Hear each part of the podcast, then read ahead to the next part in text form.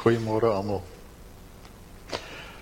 Kom ons word vanoggend rustig voor die Here en ons ons begin ons saam wees um, met ons openlike verklaring waarin ons verwoord hoekom ons as kinders van die Here so saamkom voor ons voor hom. En ons doen dit vanoggend uit Psalm 86 vers 8 tot 11.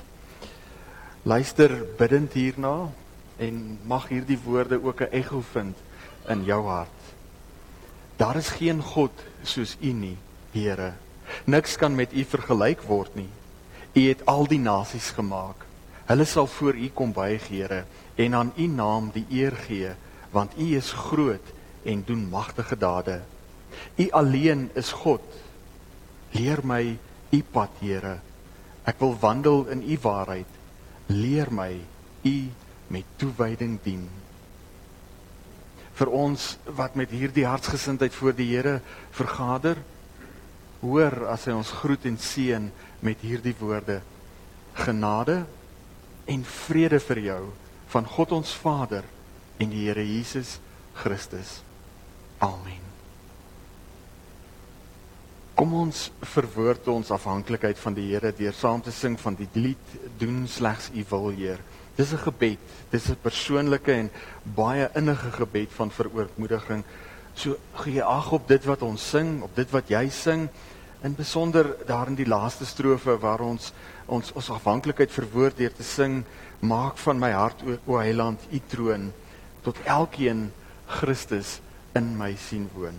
Kom ons sing dit bidend saam en daarna staan ons stil by ons belydenis.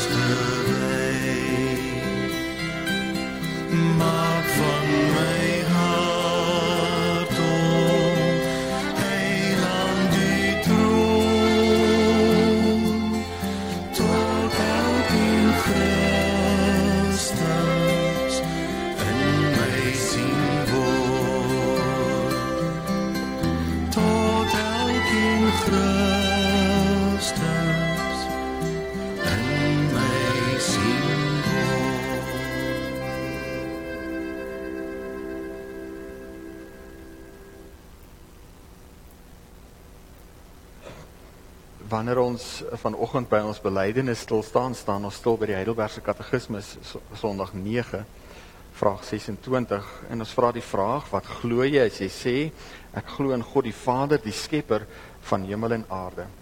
En in ons tyd is hierdie 'n baie belangrike vraag. Uh wanneer die Here die mens maak, maak hy ons na sy beeld om as sy verteenwoordiger op aarde te leef. En dan lees ons in Genesis 3 van die sondeval ons verhouding word met God breek stikkend En ons kom by 'n plek waar ons God, sy wese, wie hy is en hoe hy is, nie meer kan regken nie en ook nie sy wil nie. En omdat ons nie sy wil regken nie, het die mens begin om van die wêreld 'n donker stikkende plek te maak. En dit bring ons baie keer in hierdie lewe by 'n plek waar ons regtig mismoedig raak, waar ons wonder waar is God te midde van dit wat alles skeefloop in ons wêreld. En daarom is hierdie vraag vir ons regtig belangrik. Wat wat bly ons? Wat glo ons? Wat sê ons as ons sê ons glo in God die Vader, die Almagtige, die Skepper van hemel en aarde?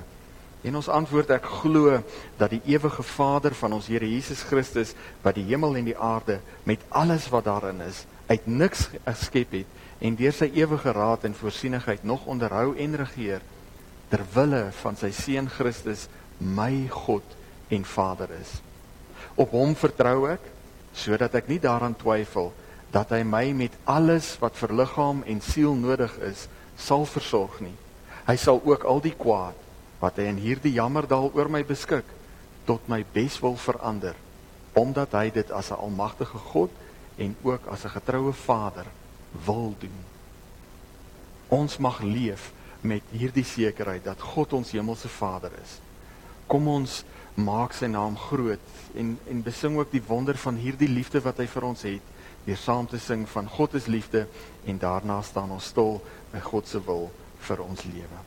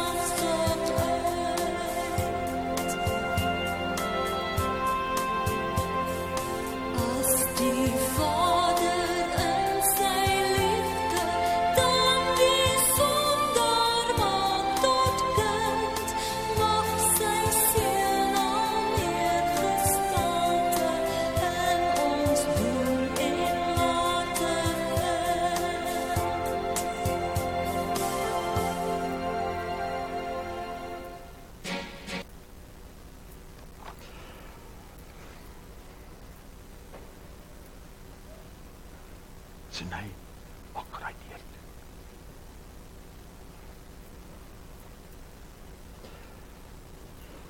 Wanneer ons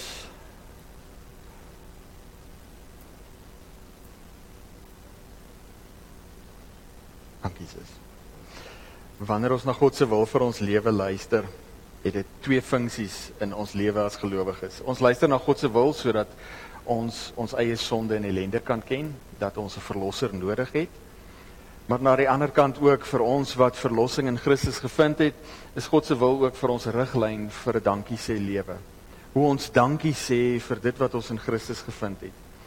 En waar ons nou oor die liefde gesing het, het ons ook hierdie gebed verwoord dat dat die seun al meer gestalte in ons doen en late mag vind. Dat ons mag lewe op so 'n manier dat ander hom mag sien.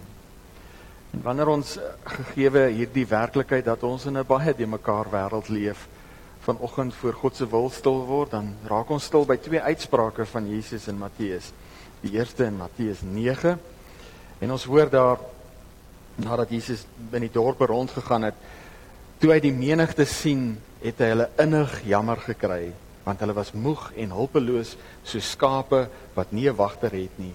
Hy sê toe vir sy disippels: "Die oes is groot, maar die arbeiders min.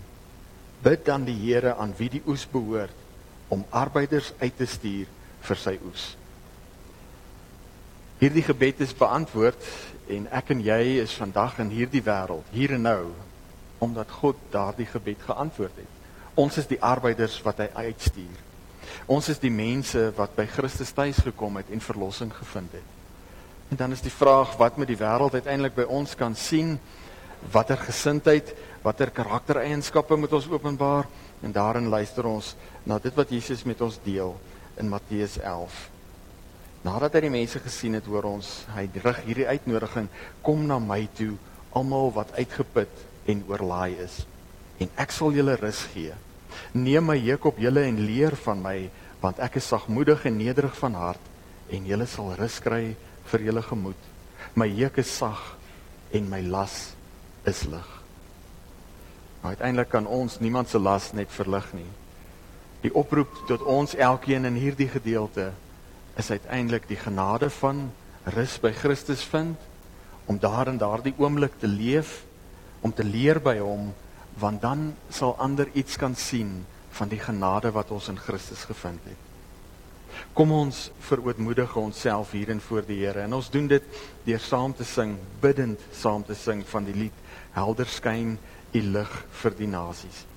In die eerste 3 strofes, versreëls van elke strofe, verwoord ons 'n waarheid En die vierde versreël is dan 'n bede wat ons in afhanklikheid tot die Here rig.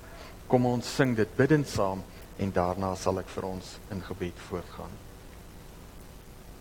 Helder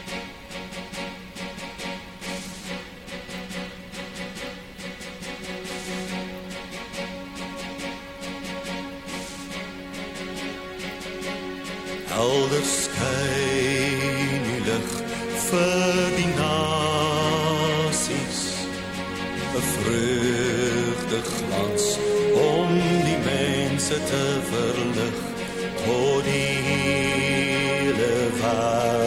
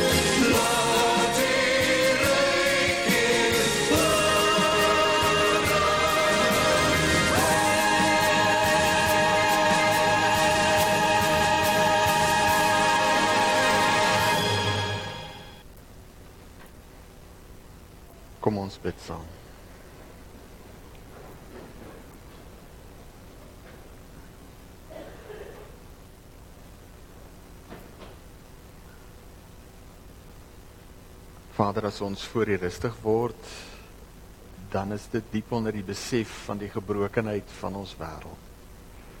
Ons sien dit in siekte. Ons sien dit in die dood van geliefdes. Ons beleef dit in die verval van strukture en dinge rondom ons.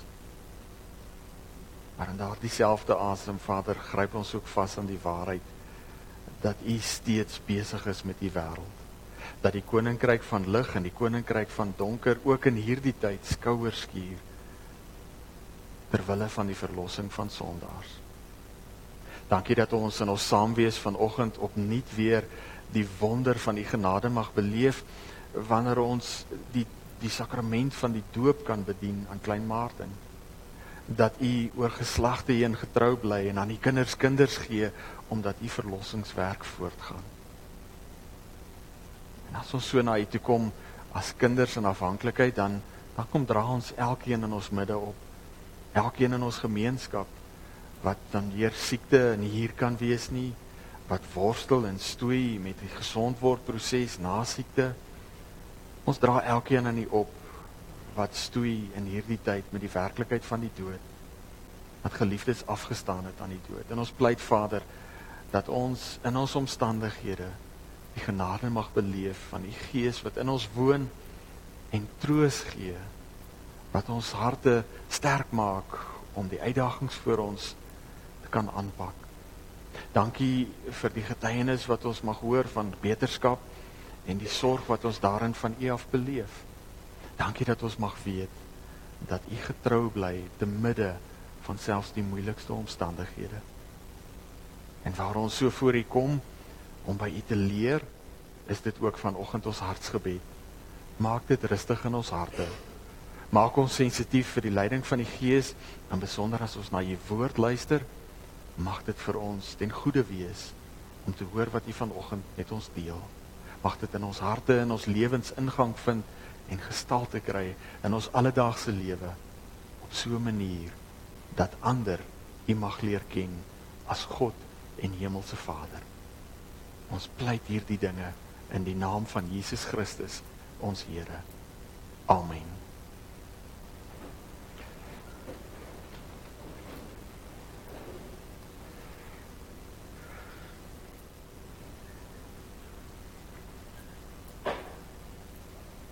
Ons luister vanoggend na die woord van die Here met Matteus 14 nou vanaf vers 13.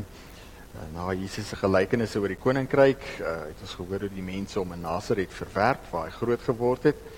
En dan het ons gehoor van Herodes wat vir Johannes die Doper doodgemaak het en sy disippels het sy liggaam gaan haal en begrawe en te vir Jesus gaan vertel. En dan hoor ons toe Jesus dit hoor, het hy met 'n skei daarvandaan weggegaan na 'n stil plek om alleen te wees. Die mense het hiervan gehoor en hom van die dorpe af te voet gevolg. Toe hy uit die skei klim, het hy die groot menigte mense daar gesien. Hy het hulle innig jammer gekry en die siekes onder hulle gesond gemaak. Toe dit al aand begin word, het sy disippels vir hom kom sê: "Dit is 'n afgeleë plek en dit het al laat geword. Stuur die mense terug dat hulle vir hulle kan gaan kos koop in die dorpe." Maar Jesus sê vir hulle: "Hulle hoef nie weg te gaan nie.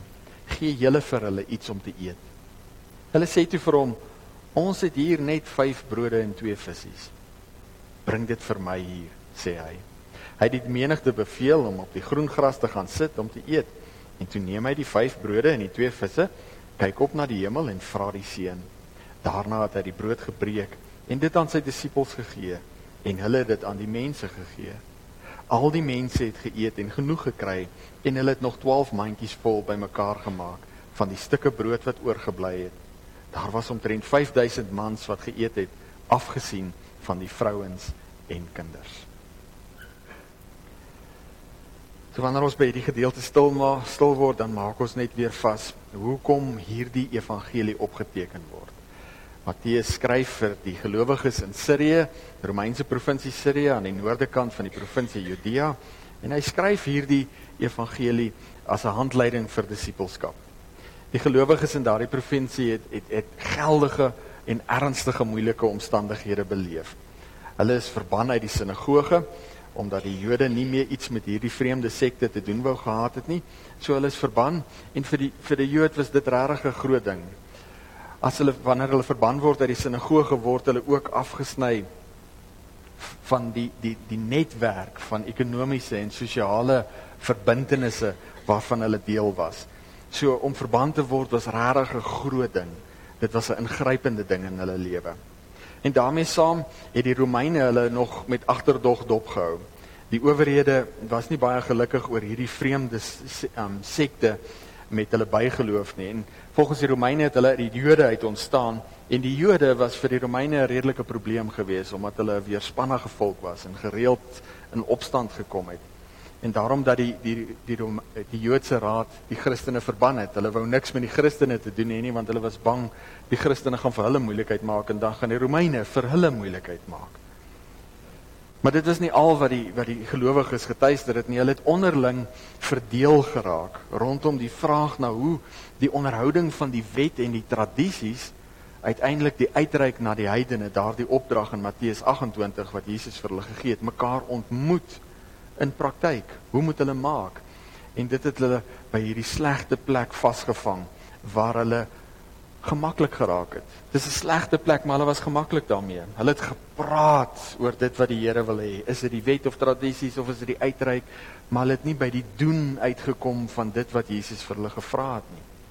So Matteus maak uiteindelik vir hierdie gelowiges wat vasgevang is in hierdie gemaklike slegte plek duidelik dat hulle ware identiteit en plek in die koninkryk dat hulle dit net vind in navolging van Jesus Christus.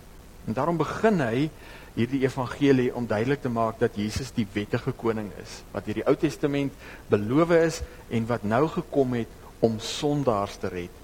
En dis baie belangrik daardie stukkie. Hy kom om sondaars te red, nie perfekte mense nie. Hy kom vir mense wat 'n verlosser nodig het, wat verlossing nodig het. En dan besig met sy bediening roep hy sondaars om vissers van mense te word ter wille van al die nasies. In die berglede leer Jesus die disippels hierdie mense wat vissers van mense moet wees om die wet reg te gebruik. En die wet is gegee vir elkeen van ons om ons eie sonde en ellende te ken. Dit is nie die maatstaf waarmee ons ander veroordeel nie. Dis gegee om ons eie sonde en ellende te ken sodat ek kan weet ek het 'n verlosser nodig. En daarna is daar 'n klompie mooi ge, um, wonderwerke wat Jesus doen wat duidelik maak dat God wil ons genees en verlos van sonde. Hy kan ons genees en verlos van sonde. En dan baie belangrik, God verlos ons tot diens. En daarom kan ons vanoggend weer vasmaak dat vissers van mense is navolgers van Jesus wat weet dat verlossing alleen by Christus te vind is, wat verlossing by hom gevind het en wat daarom nie anders kan as om met alles wat hulle is en het in diens van Jesus en sy koninkryk te staan in hierdie wêreld. Nou hoor ons daar in Matteus 9, wanneer Jesus die menigte sien moeg en hulpeloos so skape sonder 'n wagter, gee hy opdrag dat ons moet bid vir arbeiders vir die oes. Mense wat kan uitgaan in die wêreld in om disippels van al die nasies te maak. En dan stuur Jesus sy disippels om die evangelie te verkondig terwyl hy self voortgaan met sy bediening om te soek en te red wat verlore is. En ons hoor dat die disippels ontnigter is deur die konflik wat die evangelie verkondiging opgeroep het. Dit lok konflik uit met die mense rondom hulle. Hulle verkondig Jesus as die koning en dat die koninkryk gekom het. En dan kom Jesus en hy verduidelik vir hulle in 'n reeks gelykenisse dat die koninkryk van lig en die koninkryk van duisternis deel dieselfde wêreld ter wille van die verlossing van sondaars. Maar dis nie 'n speelietjie nie. Dis nie maar net, okay, dis nou maar hoe dit is nie. Die gelowige se getuienis oor Jesus as wettige koning en die gepaardgaande oproep tot bekering uit 'n lewe wat tot die dood lei, skep ernstige konflik met eie geregtige mense. Mense wat vasgevang is in uiterlike aardse sekerhede en of mense wat vasgevang is in uiterlike godsdienstige sekerhede. En dit is nie vreemd nie. Hieroor het Jesus sy disippels gewaarsku. Toe hulle die eerste keer uitgestuur het, het hy vir hulle gesê: "Onthou, ek stuur julle soos skape tussen wolwe in." Daarom moet ons vanoggend weer vasmaak dat getroue diens in die koninkryk kom teen 'n prys. Dit kos ons lewe. En Johannes die Doper se dood was 'n sprekende be bewys hiervan.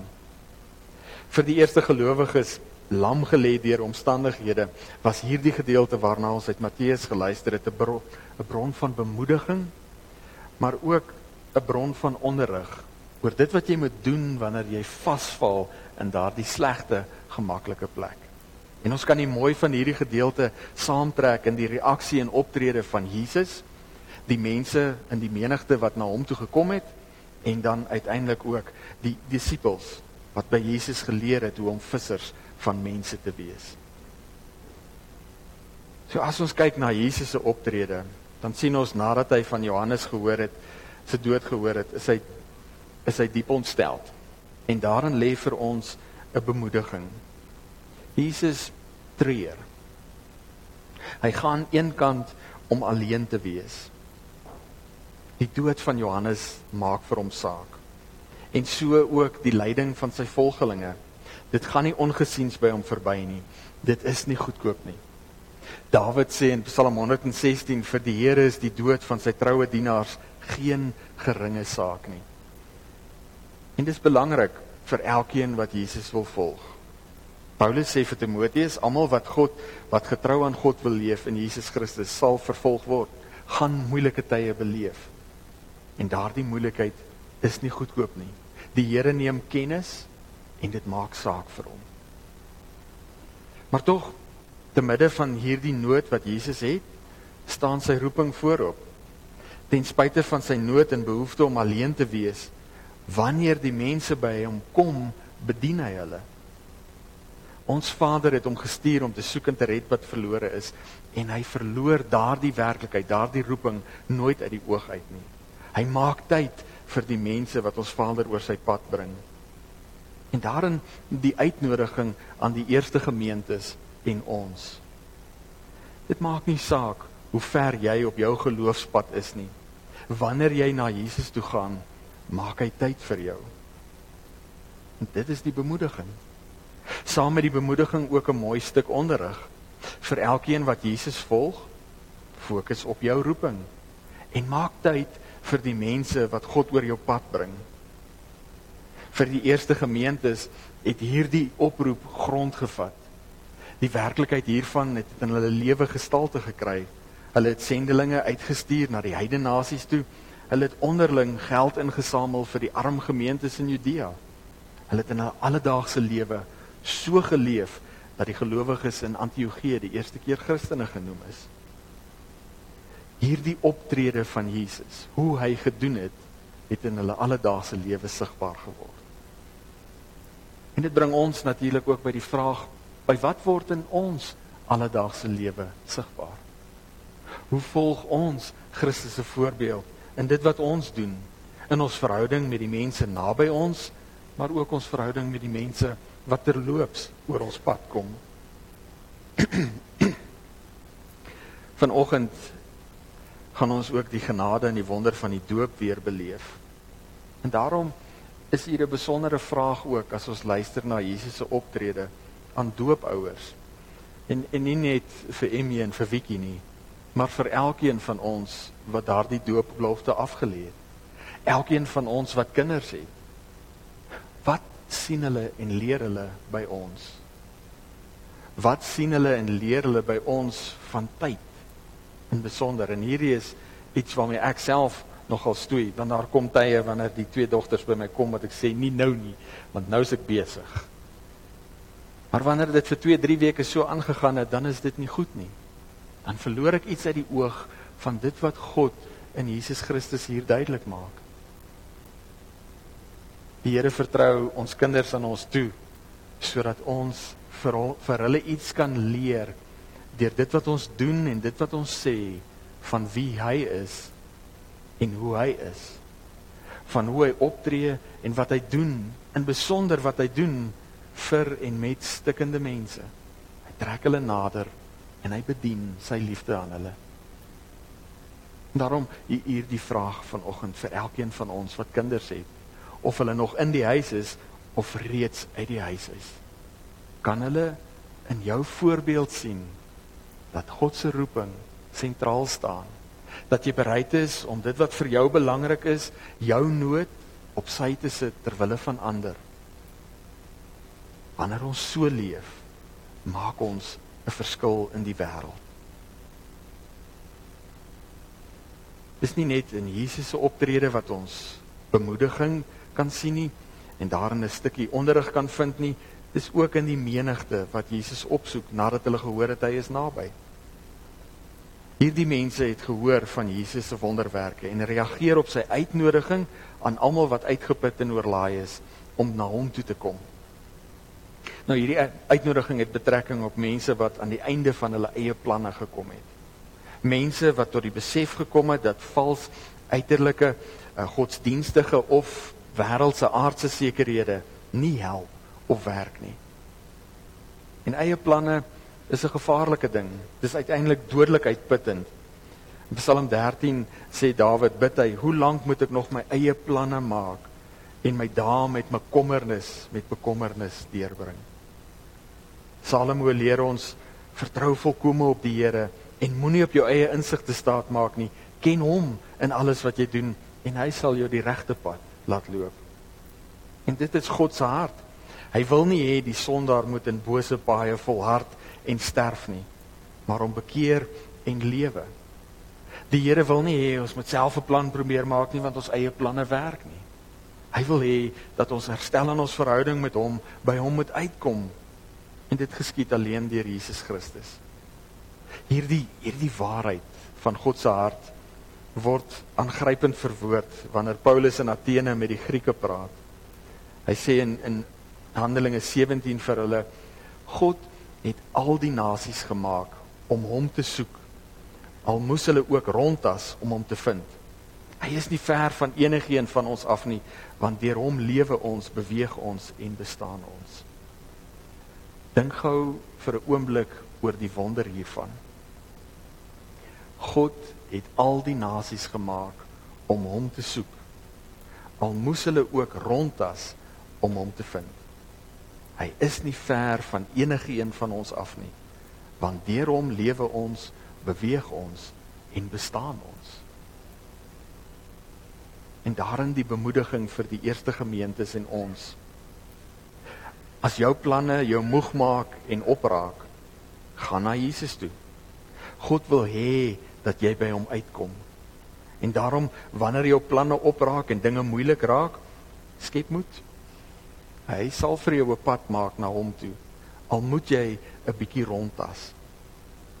En onthou, hy is nie ver van jou af nie. En dis iets wat ons ter harte moet neem ook in ons eie tyd.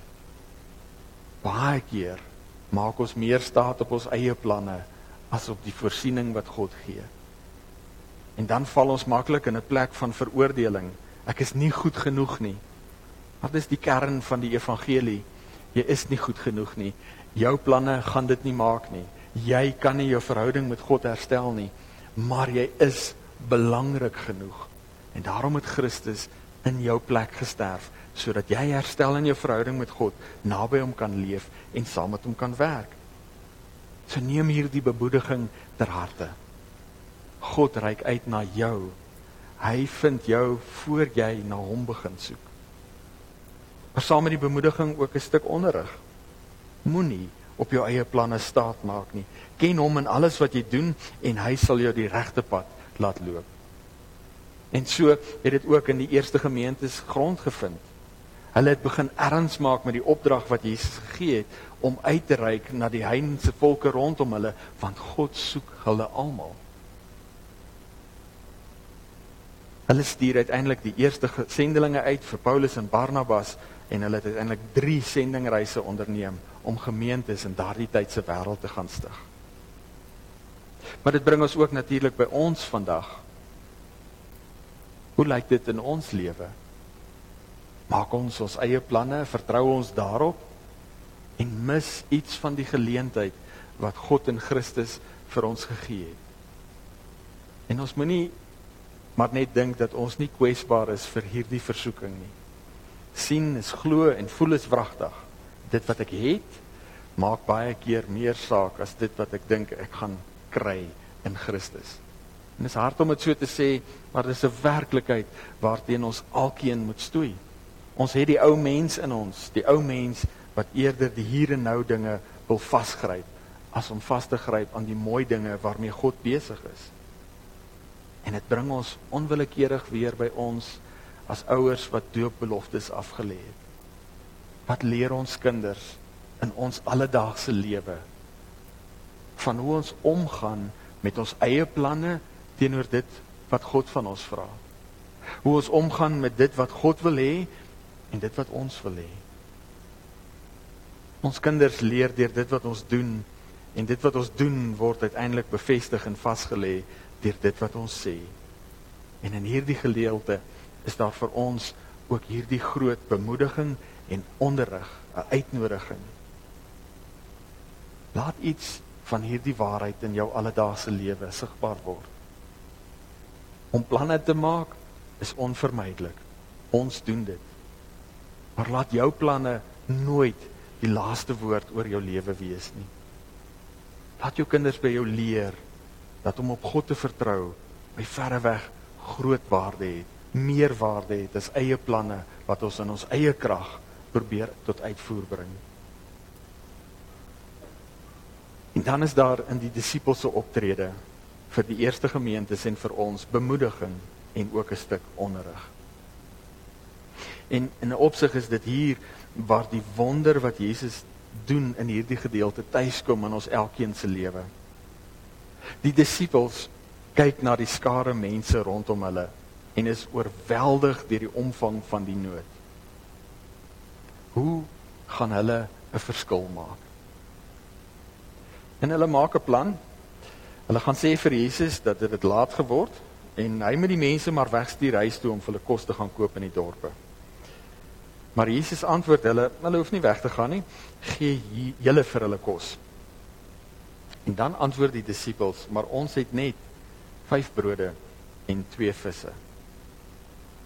Nou ons lees vinnig oor daardie gedeelte want baie keer raak ons vas by die wonder aan die einde. Maar hierdie gedeelte is regtig belangrik want dit lê iets bloot van 'n worsteling wat ons elkeen ken. Dit vra uiteindelik om 'n stukkie selfondersoek vir die eerste gemeentes en vir ons. Jesus sê die koninkryk van lig en die koninkryk van duisternis deel dieselfde wêreld ter wille van die verlossing van sondaars.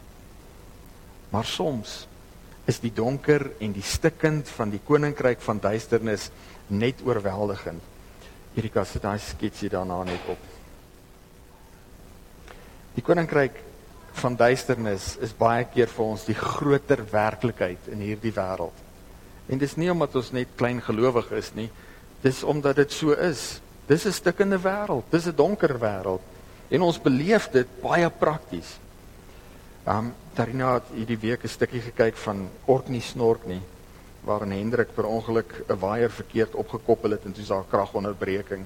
En in hierdie episode is hierdie ontsteltenis by hulle van 'n kragonderbreking. En ek het Tarina gesels en ons kom toe by die ding uit Johanay vir haar is kragonderbrekings die normaal. Dis maar net hoe dit is. Toe ek groot geword het, was kragonderbrekings die uitsondering op die reël. Die stadsraad het jou vooraf kennis gegee want gewoonlik was dit vir instandhoudingswerk. Ons leef in 'n wêreld waar dinge regtig uitmekaar uitval. En baie keer word daardie werklikheid vir ons die oorweldigende werklikheid. Dit is waarin ons vaskyk. Dit was so vir die eerste gemeentes, vir die eerste disippels en dis so vir ons. En dit is menslik. Maar daar lê iets in hierdie gedeelte opgesluit wat ook ons lewens kenmerk.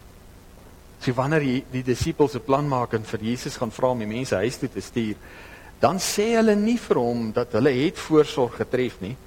Die vyf brode en die twee visse, twee visse was genoeg vir Jesus en sy disippels. Hulle het genoeg gehad vir hulle. Maar dit sê hulle nie vir Jesus nie. En daarom 'n stukkie selfondersoek. Hou ek my voorsorg, dit wat ek het agter my rug. Omdat ek dink dit is te min. Ek sal nie die nood om my kan aanspreek nie. Nou, hier is dit belangrik om nie te dink dat ons nie kwesbaar is vir die stukkie selfbedrog nie. As ek dink dat dit wat ek het te min is, dan deel ek dit moeilik met ander. En dis gewoon oorlewing. Dis te min. Ek gaan dit nie deel nie want wat 'n verskil sal dit tog kan maak. Maar dis juis hiertoe waar die Here ons roep in die Ou Testament en in die Nuwe Testament. God wat oorvloed het voorsien. Psalm 111. In Deuteronomium 15 sê die Here beveel hy sy kinders om hulle te ontferm oor die armes en om vrygewig te wees en te leen wat nodig is. Salomo sê vir ons in Spreuke 21: Wie sy ore sluit vir die hulpgeroep van 'n arme mens, sal ook nie 'n antwoord kry as hy om hulp roep nie. Jesus sê vir ons in Matteus 25: As ons aan die geringstes onder ons kos of klere gegee het, besoek het in die tronk of in die hospitaal, medelee betoon het aan hulle, dan het ons dit aan hom gedoen. En dis daarom dat Johannes in 1 Johannes kan vra wie aardse besittings het en sy broer sien gebrek ly, maar geen gevoel vir hom het nie, hoe kan die liefde van God in hom wees? God wat oorvloed het, voorsien.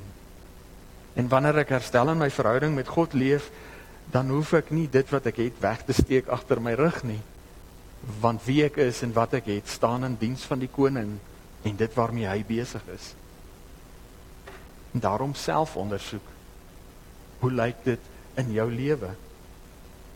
Nou, hier is dit lewensbelangrik om twee dinge vas te maak. Eerstens, Jesus het gesê bid vir die Here van die oes om arbeiders in die oes in te stuur. Ek en jy is God se antwoord op daardie gebed. Hy stuur ons vandag hier en nou in die wêreld in om die oes in te samel. Die tweede ding wat ons moet vasmaak is dit. As die Heilige Gees jou in jou hart hieroor aanspreek oor hierdie stukkie selfbedrog van my eie dinge probeer wegsteek, moet jy nie in veroordeling vasval nie. Onthou die pad van daaglikse bekering waarop die Here ons neem. Maak jou los van dit wat agter is en strek jou uit na dit wat voor lê, al is dit moeilik. En daarom is daar ook bemoediging in dit wat hier met die disippels gebeur. Jesus veroordeel hulle nie. Hy is besig om om hulle te leer om vissers van mense te wees. En daarom sy oproep: bring wat jy het. Jesus sal daarmee werk en ver meer doen as wat jy kan bid of dink. En so ook die uitnodiging tot ons vandag. Bring dit wat jy het in diens van Christus en die koninkryk. Hierdie wonder wat Jesus doen, roep die gelykenis van die mosterdsaad en die suurdeeg in herinnering. 'n Klein saadjie wat 'n groot boom word. 'n Klein bietjie suurdeeg wat die hele baksel deurtrek. En daarin die bemoediging vir die eerste gemeentes en vir ons. Jy hoef nie genoeg te hê om al die fisiese nood of geestelike nood van die hele wêreld te bevredig nie. Jy sal ook nooit op daardie plek kom nie. Bring net dit wat jy het en God sal daarmee werk.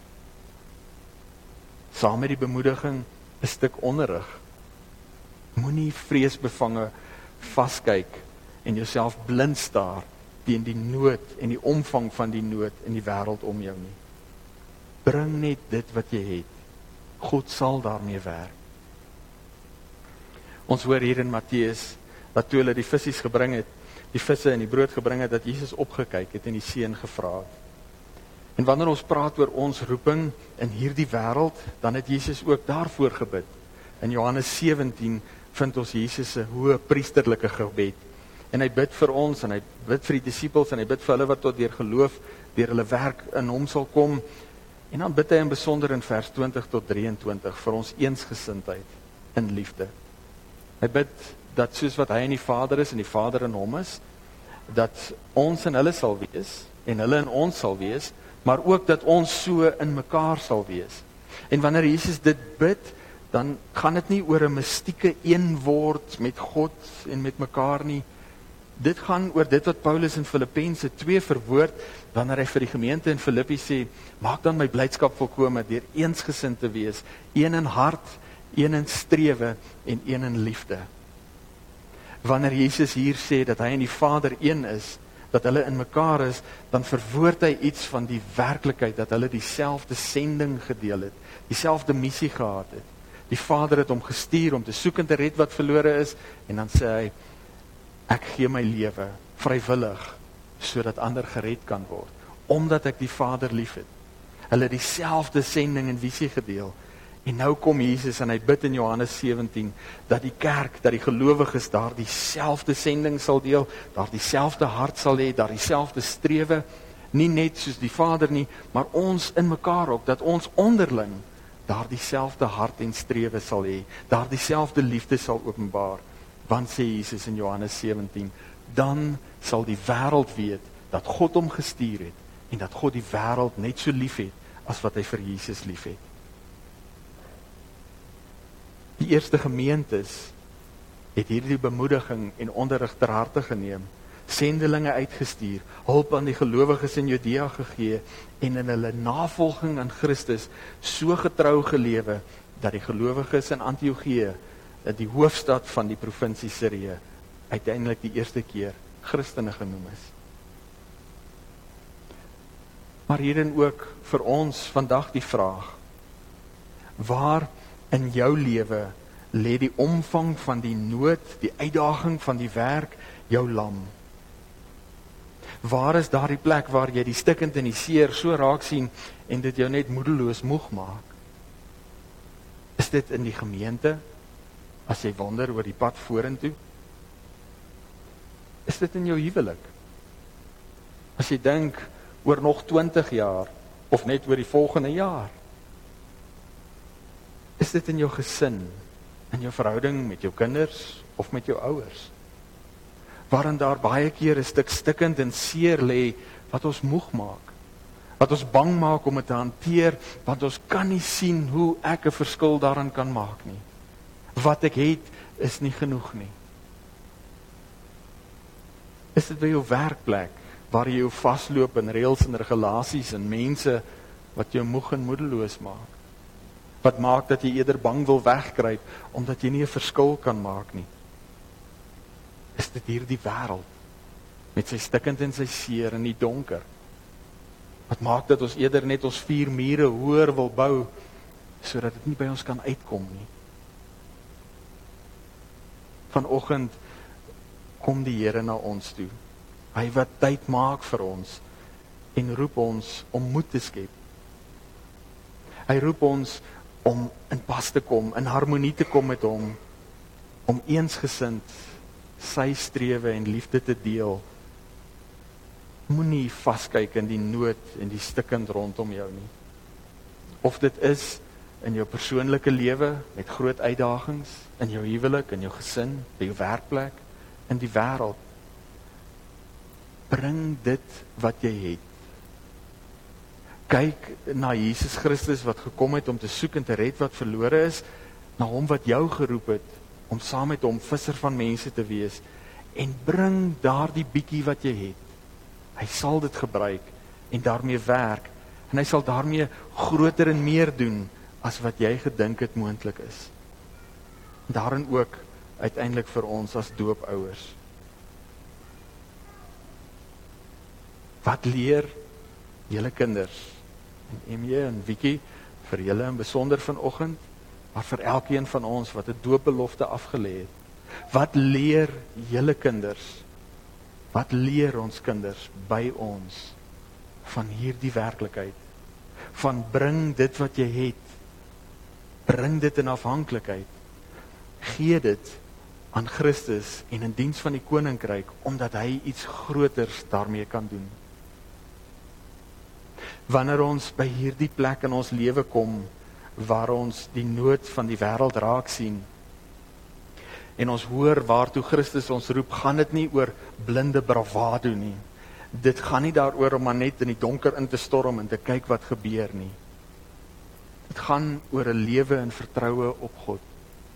'n Lewe waarin ek verstaan dat al verstaan ek nie heeltemal hoe hierdie dinge kan uitwerk wat waarmee ek gekonfronteer word nie, dat ek weet dat God ons hemelse Vader wat alles uit niks geskep het nie en dit vandag nog deur sy wil onderhou dat hy alle dinge ten goeie sal laat meewerk. En daarom in vertroue op hom doen ons die moeilike dinge wat baie keer van ons gevra word. God gee aan sy kinders kinders met die oog op sy verlossingswerk oor baie geslagte en eeue heen. Wat leer die volgende geslag by ons? Die uitdaging in ons land en wêreld is regtig groot. En die versoeking om eenkant terug te trek en onsself toe te sluit agter ons vier mure en met ons eie klein stukkie lewe aan te gaan is regtig groot. Maar ons beleef in ons land vandag die impak daarvan van te veel mense wat sê dis te groot, ons kan niks daaraan doen nie, dis iemand anders se probleem. En daarin die oproep tot elkeen van ons vandag. Gaan na Jesus toe. Leer jou kinders om dit te doen deur jou voorbeeld en bevestig dit dan met woorde. So wanneer jy hierdie week ingaan, wees sensitief vir die leiding van die Gees en maak tyd vir die mense wat God oor jou pad bring. Moenie vasdraai in jou eie planne nie. Vertrou die Here. Volg en leer by Jesus. En moet jou nie blind staar teen die nood in die wêreld nie. Bring wat jy het. Jesus sal daarmee werk. Amen. Is daar enige vrae oor dit waarby ons vanoggend stil gestaan het?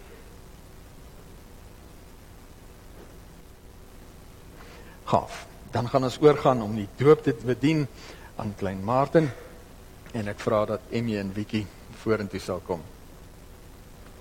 Ja, julle kom maar vir Martin bring ook, is reg.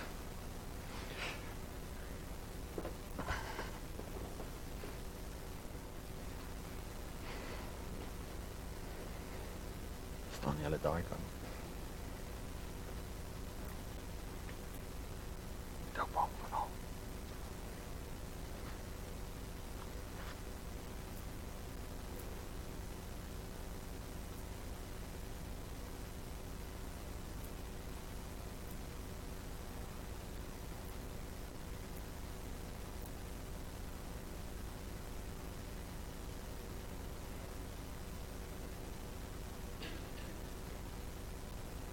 Terwyl ons wag, sien voel jy met 'n oomblik opstaan dat jy nou geleentheid om op te staan, net om die bloedvloei so 'n bietjie te help.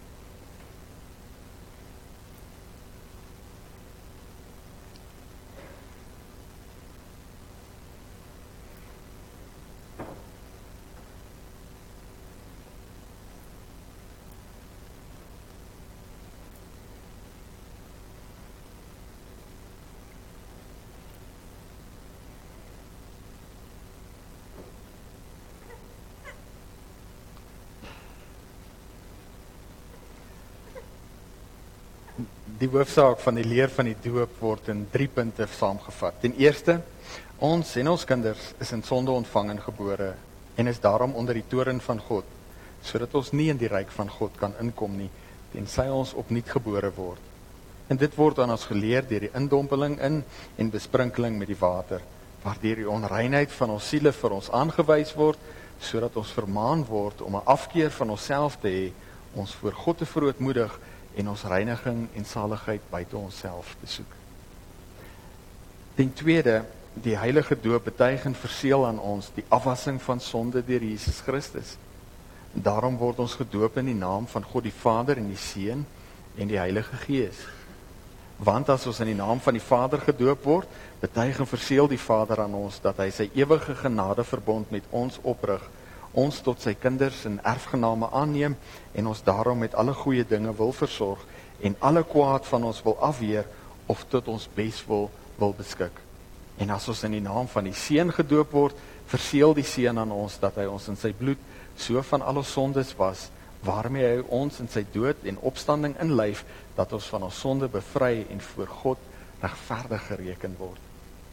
Net so as ons in die naam van die Heilige Gees gedoop word, verseker die Heilige Gees ons deur hierdie heilige sakrament dat hy in ons wil woon en ons tot lidmate van Christus wil heilig deur ons tot eiendom te maak wat ons in Christus het, naamlik die afwassing van ons sondes, die daaglikse vernuwing van ons lewe totdat ons uiteindelik onder die gemeente van die uitverkorenes in ewig in die, in die ewige lewe vlekkeloos gestel word.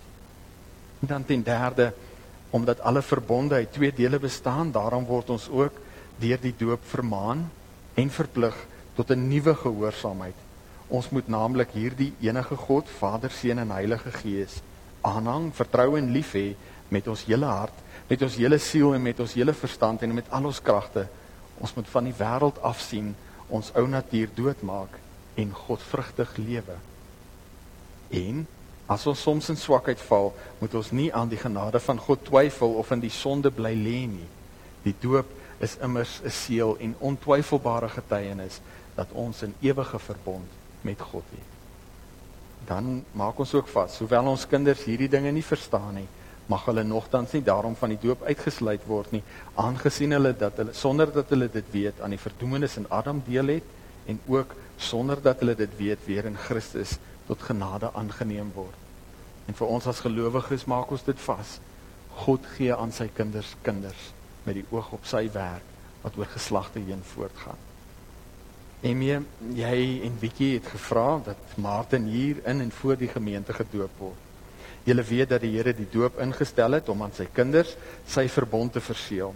En hy roep ons hierin tot 'n innige verhouding met hom. En daarom om moet ons die doop as teken en seël van hierdie doel en nie uit gewoonte of bytgelowigheid gebruik nie. Dat dit openbaar kan word dat dit julle gesindheid is, moet julle van julle kant af op hierdie vrae opreg antwoord.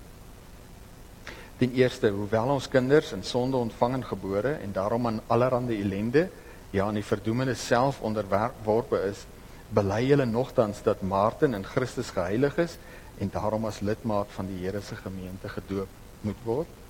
Ten tweede bely hulle dat die leer van die Ou en die Nuwe Testament wat in die artikels van die Christelike geloof vervat is en in die Christelike kerk hier geleer word, die ware en volkomme leer van saligheid is.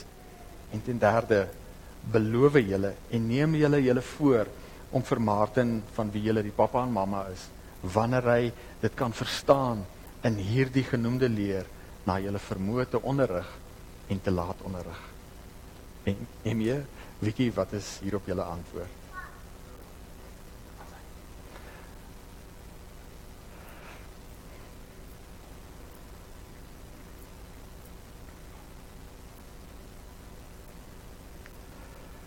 Martinus Jacobus Albertus van Vreden. Ek doop jou in die naam van die Vader en die Seun en die Heilige Gees. Amen. Kom ons bid saam.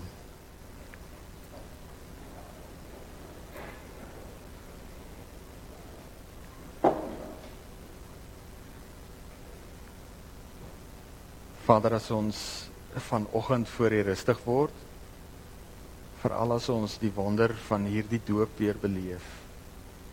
Dan kom sê ons dankie vir die mooi daarvan dat U tyd maak vir ons. En dat U besig met U wêreld aan die kinders kinders gee met die oog op verlossingswerk wat aangaan oor baie eeue. En daarom as ons die mooi van hierdie doop opnuut weer beleef, dan pleit ons Vader, wil U ons ook vandag die waarheid en die wonder hiervan in ons harte vasmesel. Dat ons in ons alledaagse lewe nie aan ons eie planne verknog sal vashou nie, maar dat ons Jesus Christus mag sien wat as koning regeer, nie net in hierdie wêreld nie, maar in besonder in ons lewens. mag ons verstaan Vader dat ons diens in die koninkryk 'n verskil ten goeie maak in hierdie wêreld. Selfs al kom dit teen 'n prys.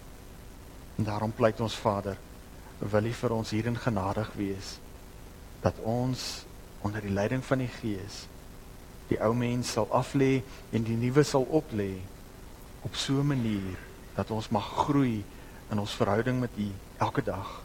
Dat ons mag groei in ons toewyding aan U en daarin in ons sout en lig wees ten bate van hierdie wêreld waarvoor U lief is. Ons kom vanoggend om elke ouer van wie U kinders toevertrou het en in besonder om vir Emmy en Wiekie aan U op te dra.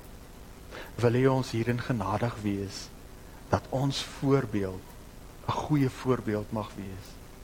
Wil U ons sensitief maak vir die leiding van die Gees dat ons in ons alledaagse lewe so mag lewe dat ons kinders U mag leer ken as 'n goeie God en hemelse Vader.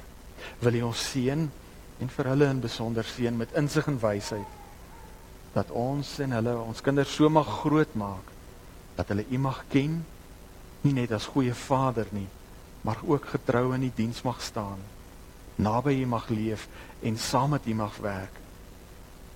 Totdat ook hulle en Martin en Elnay in besonder eendag voor U mag staan en mag hoor goed so, goeie en getroue dienaar. Oor min was jy getrou, oor baie sal ek jou aanstel. Kom in en deel in my vreugde. Mag hierdie vreugde, hierdie verwagting, hierdie hoop ons lewe aanvuur, ons lewe rig sodat ons en ons kinders getrou naby U mag leef. U sorg mag beleef en daardie liefde en sorg mag deel met die mense om ons. Ons bid dit Vader in Jesus se naam. Amen. Baie geluk. Baie sterkte vir die stukkie pad wat voor lê. Bietjie baie sterkte. Ons gaan net vir julle so herinneringstekens gee terwyl hulle van die onthou daarvan en 'n doopseël vir klein Martin.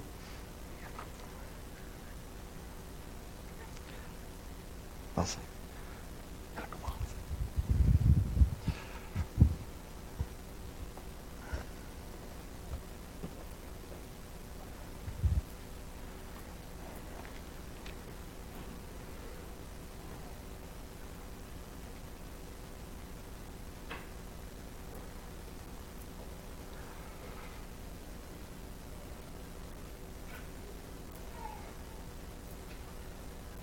Uit persoonlike ervaring het ek nou al geleer en ek glo die meeste van ons wat ouers is, dis een ding om hier voor te staan en jouself voor te neem, maar ek gaan hierdie dinge doen.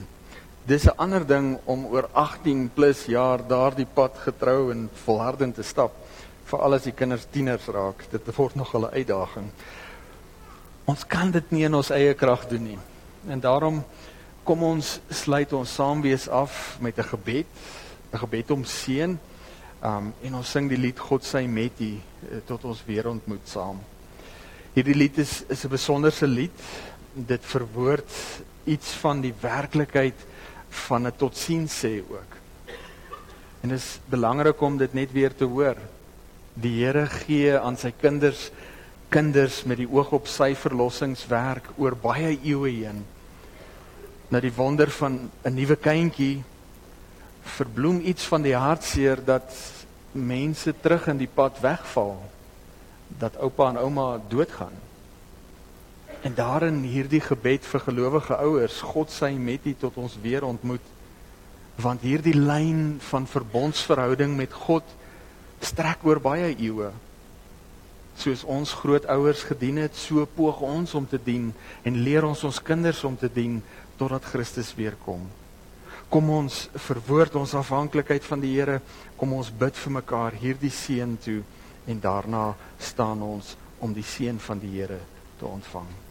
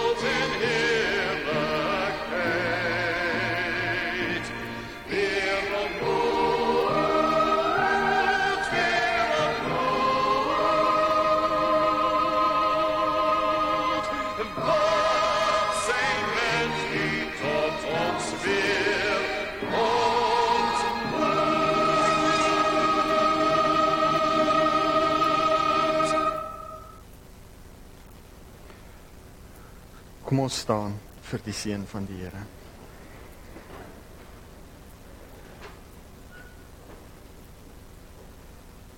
Die seën van die Here is 'n toesegging van sy guns, is 'n bevestiging van 'n waarheid groter as dit wat ons hier beleef.